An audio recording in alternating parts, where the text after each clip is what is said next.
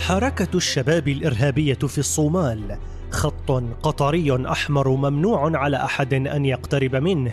وإلا فإن الدوحة التي ضربت عميقا في صميم الحكومة الصومالية عبر عملائها لن تتوانى في إقصاء كل من تسول له وطنيته أن يمس حركة الشباب ببنت شفا.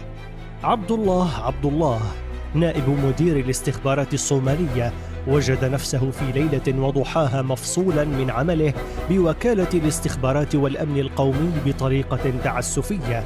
تذرعت فيها الوكالة بأن عبد الله لا يستحق أن يكون موظفا بعد أن قال في مقابلة إذاعية أن الحكومة الصومالية عاجزة عن القضاء على حركة الشباب ليحتل المدعو فهد الياسين عميل قطر هناك مكتب نائب مدير الاستخبارات دون السماح لعبد الله عبد الله بدخوله مجددا والتسليم والاستلام وفق الأصول المتبعة بل كانت معاملة انتقامية أفضت إلى تخريب محتويات المكتب وإتلاف بعض ملفاته وخاصة تلك التي تتعلق بحركة الشباب الإرهابية.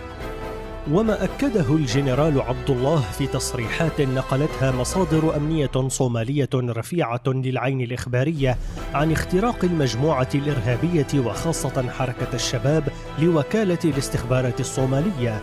بدا جليا فيما حدث حين استنفرت أجهزة الوكالة لاحتواء تصريحات عبد الله وطرده من المشهد على الفور.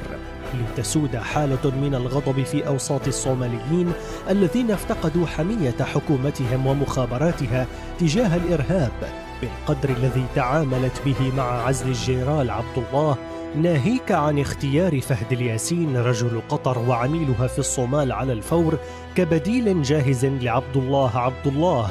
وهو ما يثبت مدى تورط قطر في اختراق الصومال من رأس السلطة مرورا بالأجهزة الأمنية الحساسة وصولا إلى مفاصل الاقتصاد والمجتمع والثقافة والإعلام. لتمعن الدوحة في هذا الاحتلال الناعم الذي يحمل وجها خشنا ودمويا تحرسه حركات الإرهاب هناك.